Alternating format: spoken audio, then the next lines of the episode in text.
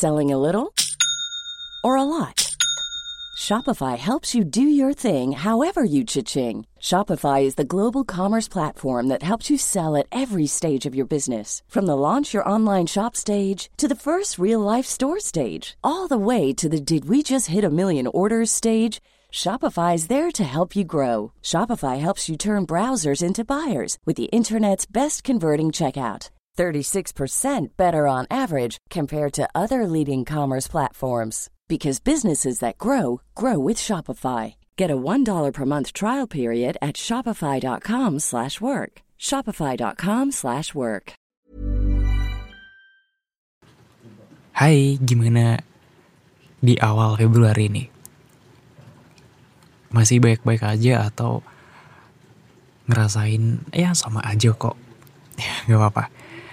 Tetap semangat dan jangan lupa untuk memberikan kesenyuman kesenyuman maksudnya jangan lupa untuk tetap tersenyum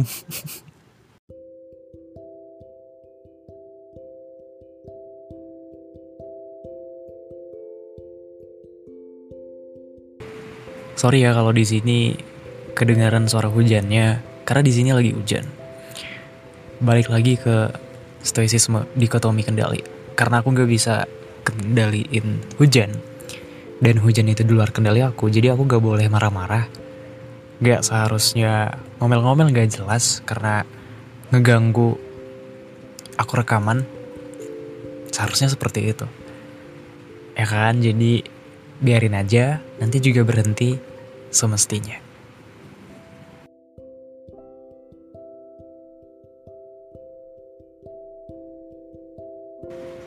waktu kecil kita pernah ditanyain sama orang tua sama mama D udah bisa hitung, D udah bisa baca. Kita yang masih di umur segitu masih apa ya masih lima tahun atau enam tahun gitulah.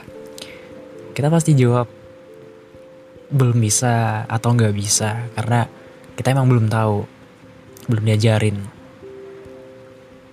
Dan orang tua kita pasti nuntut kita harus bisa baca, harus bisa hitung, harus bisa nulis.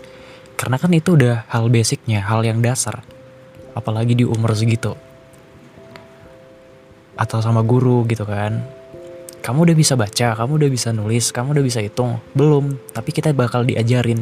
Kita bakal dikasih uh, latihan supaya bisa baca bisa tulis bisa hitung ya kan? Dan dikasih latihannya itu juga dari dasarnya dari basicnya. Seperti kenal huruf mengenal angka, uh, belajar tulisan tegak bersambung, pokoknya yang dasar-dasar dulu.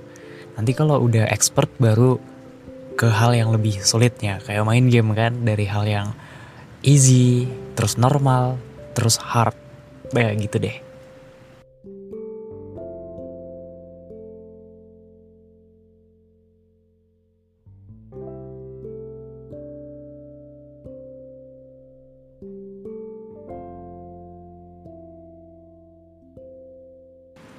Tapi kamu tahu gak sih, ada hidden games di kehidupan kita ini.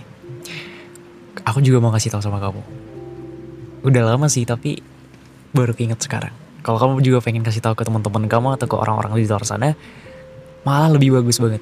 Jadi gini, karena aku udah ngalamin dan aku ngelihat situasi, lihat orang-orang, lihat teman-teman aku, ternyata kebiasaan atau hal yang kita lakuin waktu kita kecil kayak tadi, ketika kita ditanya udah bisa baca, kita jawab belum atau kita jawab enggak. Atau belum ditanyain pertanyaan kita tadi deh kayak kamu udah bisa baca, kamu udah bisa nulis, kamu udah bisa hitung. Belum ditanya sama sekali. Kita udah punya insting buat bilang aku nggak bisa baca, aku nggak bisa nulis, aku nggak bisa hitung. Atau pas di sekolah kan kita langsung bilang sama teman kita, aku ke sekolah ini belum bisa ini, belum bisa baca, aku nggak bisa hitung, aku nggak bisa nulis. Ternyata hal yang kayak gitu tuh udah kebawa sampai sekarang. Di umur berapapun kamu udah kebawa. Atau di zaman sekarangnya itu kebanyakan di kan di kamus-kamus bahasa anak-anak remaja Gen Z sekarang itu kan pick me gitu. Cewek-cewek yang cewek-cewek atau cowok-cowok yang ya tau sendiri pick me itu gimana. Kalau ceweknya aku tuh nggak bisa make upan aku nggak bisa ini nggak bisa pakai lipstick. Aku nggak bisa pakai eyelash. Aku tuh bukan aku tuh nggak kayak cewek-cewek di luar sana yang bisa kayak gini bisa kayak gini. Aku tuh cuma modal air wudhu doang. Sumpah deh aku nggak bisa kayak gini gitu. Jijik nggak sih dengernya? Aku juga yang dengernya jijik gitu.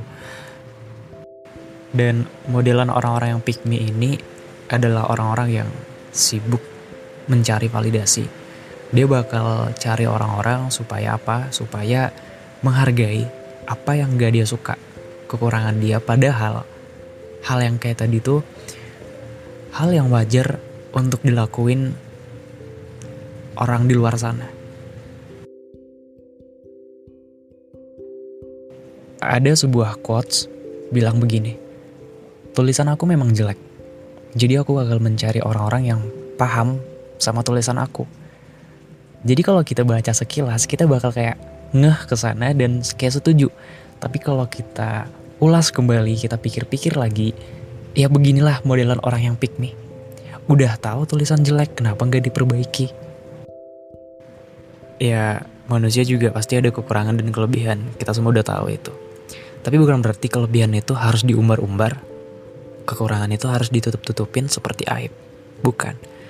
Ya, kekurangan juga harus ditahu semua orang supaya apa? Supaya menghargai kalau kita juga manusia biasa. Kita bukan manusia super yang apa-apa tuh punya kelebihan terus. Enggak.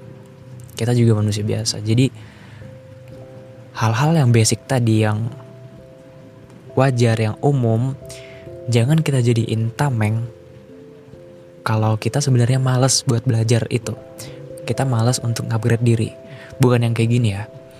Aku tuh nggak bisa buat kapal. Aku tuh nggak bisa buat pesawat ya emang kemampuan kita kan bukan di situ lain jadi hal-hal yang wajar gitu kayak wajar naik motor belajar uh, masak itu kan umum ditahu semua orang baik itu laki-laki dan perempuan. Itu hal yang mendasar. Jadi jangan jadiin itu sebagai tameng yang kitanya emang males belajar tapi kita bilang aku tuh nggak bisa masak karena aku nggak diajarin. Ya kalau udah tahu kayak gitu ya kenapa nggak belajar? Ya kan? Atau kayak ada orang yang suka sama kita karena kita yang nolak dia bilang aku tuh emang jelek. Aku tuh nggak cantik atau ganteng seperti orang-orang di luar sana. Dan aku nggak bisa bersanding sama kamu kalau udah tahu kayak gitu kenapa nggak apa ya kayak ngabur diri deh supaya berasa apa supaya merasa pantas sama kita gitu. Kan dianya sendiri yang bilang kalau dianya tuh jelek. Kenapa nggak dianya aja belajar supaya uh, good looking gitu? Ya kan? Jadi maksud aku jangan sampai kita mencari validasi untuk kekurangan kita untuk hal yang nggak kita suka cukup kamu dan orang-orang terdekat kamu aja yang tahu hal yang nggak kamu suka tadi jangan sibuk untuk memvalidasi hal yang gak kamu suka. Karena apa ya, itu yang bikin kita jadi mentok atau ngestak di zona itu. Kan aku, kamu, kita semua itu punya resolusi di tahun baru ini, di tahun 2023 ini menjadi pribadi yang lebih baik. Kan begitu setiap harapan kita. Kenapa dari hal-hal kecil itu tadi enggak diterapin? nggak diperbaikin, nggak belajar. So, untuk hal-hal yang nggak kamu suka, hal-hal yang kurang kamu minati, hal-hal yang nggak kamu suka untuk dipelajarin, cukup kamu atau sebagian orang aja yang tahu. Bukan berarti orang-orang risih atau apa, enggak. Ini bukan ngomongin tentang orang, bukan. Ini soal pengembangan diri bagi kamu yang emang belajar untuk mengembangkan diri dari hal ini aja. Jangan sampai kita memvalidasi kekurangan atau hal yang gak kita suka. Supaya orang-orang percaya, supaya orang-orang ngelindungin kamu juga. Jangan. Jadi kita belajar deh, belajar dari hal yang gak kita suka tadi. Oke? Okay? Bisa, pasti bisa. Halo, sebelumnya aku minta maaf ya. Karena Sabtu kemarin aku lagi enak badan, makanya gak ngebuat episode baru. Tapi sekarang udah enakan. Maaf buat yang udah nungguin, dan makasih buat kalian semua yang udah dukung, yang udah support aku. Jadi, selamat mendengarkan.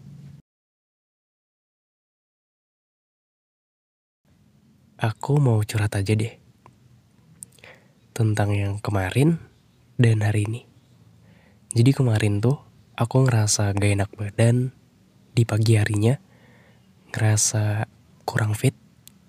Akhirnya istirahat dan mulai badannya panas, kepala pusing, mual, segala macem. Di malam harinya aku ngerasa badan itu makin panas dan hari ini, di hari Minggu siang tadi, aku berobat disuntik. Suntik sampai dua kali coba.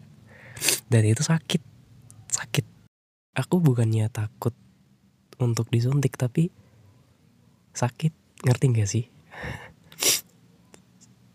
sakit karena jarumnya, sakit pas ditekan cairannya itu sakit banget.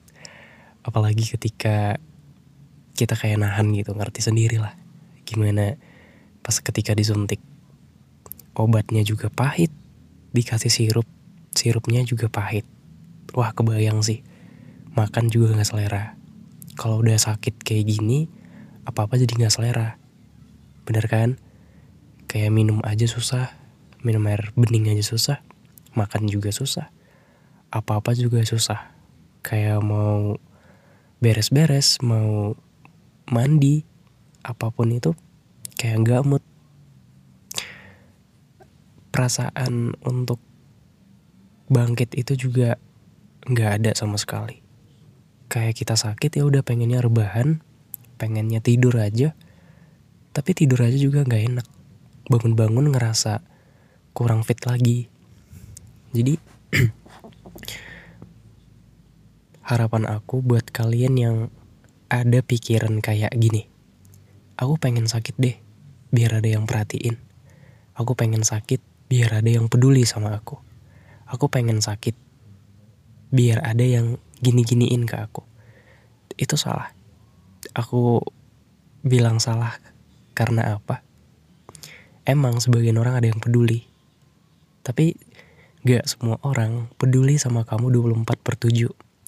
Gak semua orang peduli sama kamu satu harian penuh. Enggak. Yang peduli cuman kamu sendiri. Selebihnya itu ya cuman kayak kamu mau makan apa, mau diambilin gak? Cuman sebatas di situ. Selebihnya mereka pasti bilang, ayo sembuh, ayo sehat. Kayak di dalam hati mereka tuh capek loh ngelayanin kayak gini gitu. Ya udahlah sembuh sendiri biar bisa beraktivitas gitu. Terus apalagi ya? Kalau kalian berpikirannya biarin ah begadang biar sakit. Gak apa-apa gak makan biar sakit. Gak usah olahraga deh biar sakit aja. Salah. Kalau udah sakit, kita ngerasain apa-apanya itu gak enak. Beneran. Kayak kita mau makan aja gak enak. Kita mau gerak aja susah badan pegel. Wah, asli gak enak. Jadi menurut bagi kalian yang beranggapan sakit itu enak karena ada yang kayak gini kayak gini, salah. Menurut aku lebih baik banyak pikiran, lebih baik stres daripada sakit. Tapi tahu nggak sih, obat yang paling manjur, obat yang paling ampuh selain obat itu selain pil, selain sirup, adalah ketika kita dijenguk, ketika dikasih semangat, dikasih support, cepet sembuh ya. Kayak gitu. Itu paling, wah paling berkesan. Apalagi dijenguk dengan perasaan, dengan setulus hati. Dan yang paling enaknya itu ketika kita ditanyain sakit apa? Kita bilangnya sakit demam sakit kepala uh, meriang. Mereka nggak langsung ngejudge nggak langsung bilangnya makanya jaga pola makan makanya istirahat makanya jangan begadang. Tapi yang ditanyain itu ada masalah apa? Kenapa? Lagi sedih ya? Makanya kalau apa-apa tuh cerita jangan pendem sendiri itu yang paling ampuh jadi kayak kita emang salah kita emang kurang ngejaga pola makan, kurang ngejaga gaya hidup, kurang ngejaga supaya badan kita sehat, supaya badan kita bugar. Kita emang salah di situ. Tapi salahnya kita nggak disudutin. Kita masih dikasih ruang, dikasih space supaya kita lebih leluasa untuk bercerita. Ya meskipun ujung-ujungnya nanti dia bilangnya jaga pola makan ya, minum obat ya, ini ya segala macam tapi sebelum itu dia bilangnya ada masalah apa? Sama kayak kita punya penyakit lambung. Kita nggak dijudge um, makanya jangan makan pedas-pedas makanya jangan begadang-begadang. Tapi sebelumnya itu dia bilangnya kamu stres ya ada banyak keluhan ya kalau butuh cerita cerita aja nggak apa-apa jadi kita meskipun lagi ngerasa sakit, ya karena faktor utamanya gara-gara itu, kita kayak seakan-akan dikasih bercerita dulu, kita dikasih uh, dorongan asli yang kayak gitu tuh bikin kita jadi semangat untuk sembuh. Tapi kan kita nggak bisa berharap orang-orang di sekitar kita kayak gitu. Kita berekspektasi supaya orang-orang ngasih kepedulian ngasih um, supportnya yang kayak tadi nggak akan bisa. Dan ini lagi-lagi tentang harapan tentang ekspektasi. Ketika gak sesuai dengan realita kita yang kecewa. Ya yang paling benar dalam hidup itu ya tentang diri sendiri. Capek sendiri sakit sendiri ya yang nyembuhinnya juga diri sendiri Kayak kita lagi ngekos, kalau lapar ya tinggal masak sendiri. Kalau lagi sakit ya sembuhin sendiri. Mau minta tolong ke siapa coba? Sebenarnya ada gak sih pengaruh kita sakit itu? Kita drop. Itu karena banyak pikiran. Ada. Bukan hanya sakit fisik doang ya. Bukan karena sakit kepala, sakit ini, sakit itu. Bukan. Tapi karena banyaknya isi pikiran, sampai stres, sampai dimasukin ke dalam hati, makanya fisik itu juga ikut drop. Dan emang kalau sakit fisik itu bisa disembuhin. Sakit fisik itu bisa disembuhin melalui suntikan, melalui obat. Tapi kalau sakit di dalam, di perasaan, capek pikiran, itu gimana nyembuhinnya? ya kan? Apa coba obat untuk nyembuhinnya? Ya mungkin yang paling utama, yang paling penting itu adalah ibadah. Kesampingin dulu deh kalau ngomongin tentang ibadah. Gimana coba nyembuhinnya? Mom deserves the best, and there's no better place to shop for Mother's Day than Whole Foods Market. They're your destination for unbeatable savings, from premium gifts to show-stopping flowers and irresistible desserts. Start by saving 33% with Prime on all body care and candles. Then get a 15-stem bunch of tulips for just $9.99 each with Prime. Round out Mom's menu with festive rosé, irresistible berry chantilly cake, and more special treats. Come celebrate Mother's Day at Whole Foods Market.